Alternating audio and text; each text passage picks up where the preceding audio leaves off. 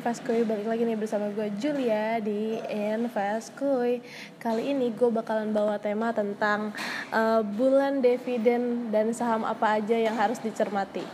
Nah, kali ini gue bersama Ajis Wibowo lagi. Gue pengen bahas tentang itu. Oke, langsung kita sapa aja orangnya. Halo Mas Ajis, apa kabar nih? Halo Mbak Julia, Alhamdulillah kabar baik Mbak. Mbak Julia gimana nih kabarnya? Alhamdulillah kabar baik juga nih Mas. Mas, kali ini gue pengen banget bahas tentang bulan dividen dan kira-kira saham apa aja yang menarik buat dicermati nih di bulan-bulan dividen ini kita bahas masalah apa nih mbak? Bulan dividen kenapa atau gimana? Bulan dividennya tuh bulan apa terus saham-saham yang harus dicermati saham-saham apa? Kira-kira yang kira-kira pembagian dividennya itu lumayan besar kalau dilihat dari DPS ya? Oke oke uh, kita misal uh, kalau misalkan kita ditanya bulan dividen tuh di bulan apa kita kita nggak tahu ya. Soalnya kan beberapa company itu juga tergantung company-nya juga. Kapan dia rilis laporan keuangan 2021 nya kapan juga uh, penentuan tanggal dividennya atau berapa dividen yang akan diberikan itu semua tergantung company. Jadi ya memang uh, di bulan-bulan misalkan kuartal 1 hingga kuartal 2 itu merupakan bulan-bulan dividen gitu kan. Nah mungkin beberapa investor bisa mencermati nih saham-saham yang mungkin memiliki DPR DPR atau DPS yang memiliki yang cukup besar gitu kan. Uh, kalau misalkan dilihat juga beberapa uh, investor asing pun sudah memasuki uh, bursa kita itu ke perbankan gitu. Itu apa sih yang mereka lihat? Yang pastinya uh, pembagian dividen dari beberapa saham tersebut bahkan uh, beberapa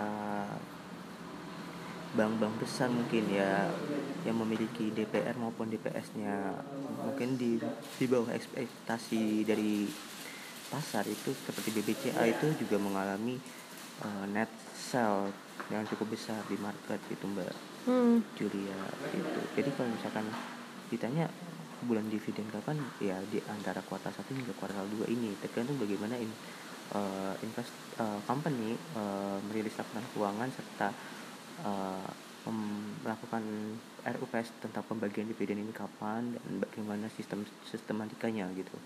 Hmm. Tapi biasanya di kuartal 1 hingga kuartal 2 itu mulai uh, company-company atau emiten-emiten mulai membagikan uh, dividen-dividen gitu.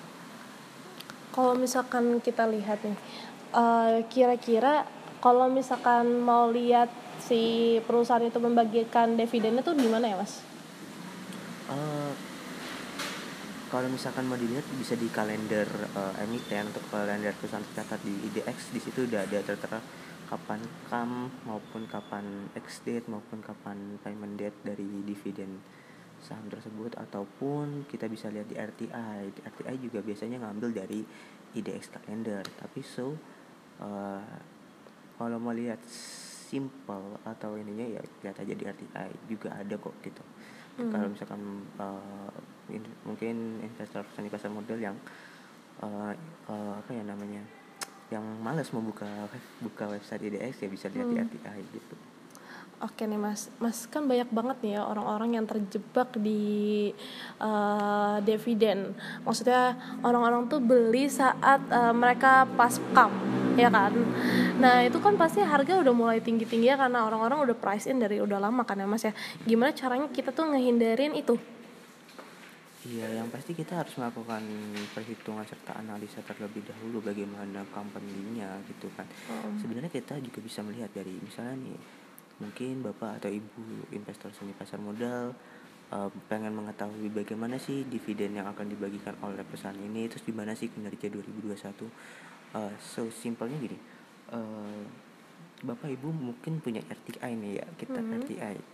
Terus kita bisa kan bisa lihat nih IPS dari perusahaan tersebut gimana walaupun IPS yang tahun kuartal 4 tidak uh, tidak belum atau belum rilis gitu misalkan ya cuma sampai kuartal 3 nah dari kuartal 3 itu misalkan disetahunkan misalkan disetahunkan berapa bagaimana apakah kinerjanya melonjak dari tahun-tahun sebelumnya ataupun uh, kinerjanya menurun dari tahun-tahun sebelumnya hmm. dari situ kita bisa melihat bahwa uh, kinerja perusahaan tersebut ya emang lagi menurun atau menaik gitu Hmm. nah itu yang bikin bapak atau ibu seni pasar modal yang bisa eh, bisa lakukan untuk melihat kinerja perusahaan bagaimana so terus bagaimana eh, cara menyaring saham-saham dividen yang besar gimana sih Nah, setelah ibu bapak yang seni pasar modal ini mencari saham, eh, menca- melihat dari kinerja IPS eh, di yang disetahunkan terus Hmm. kita lihat bagaimana rasio dividennya. Rasio dividen ya pasti DPR kan dividen payment ratio kan. Nah kita lihat tuh apakah selama beberapa tahun ini dividen payment ratio-nya itu stabil atau uh, cenderung fluktuatif atau cenderung uh, menurun gitu kan nah ya ibu bapak mungkin bisa melakukan pemilihan saham yang DPR-nya stabil gitu loh Hmm. gitu jadi kan kalau misalnya Kalau stabil tuh dilihat di ininya ya, apa namanya Iya. per tahun. Iya, perlihat per tahun pastinya kan, Mbak. Eh, lihat bagaimana DPR-nya. Kalau misalkan stabil ya kinerja naik ya, pasti pembagian dividennya pasti akan naik gitu. Hmm. Jumlah DPS yang akan dibagikan pastinya kan, Mbak. Karena kan ya begitulah intinya gitu loh. Oke nih mas, kalau misalkan kita lihat uh, kulik laporan keuangannya nih, kira-kira bisa nggak sih kalau misalkan kita lihat dari laporan keuangannya, misalkan laba dia mencetakkan laba yang lumayan besar gitu, kira-kira kita bisa nggak sih memprediksi kalau misalkan uh, perusahaan itu mau membagikan dividennya gede apa enggak gitu, bisa nggak sih kita ngelihat kayak gitu?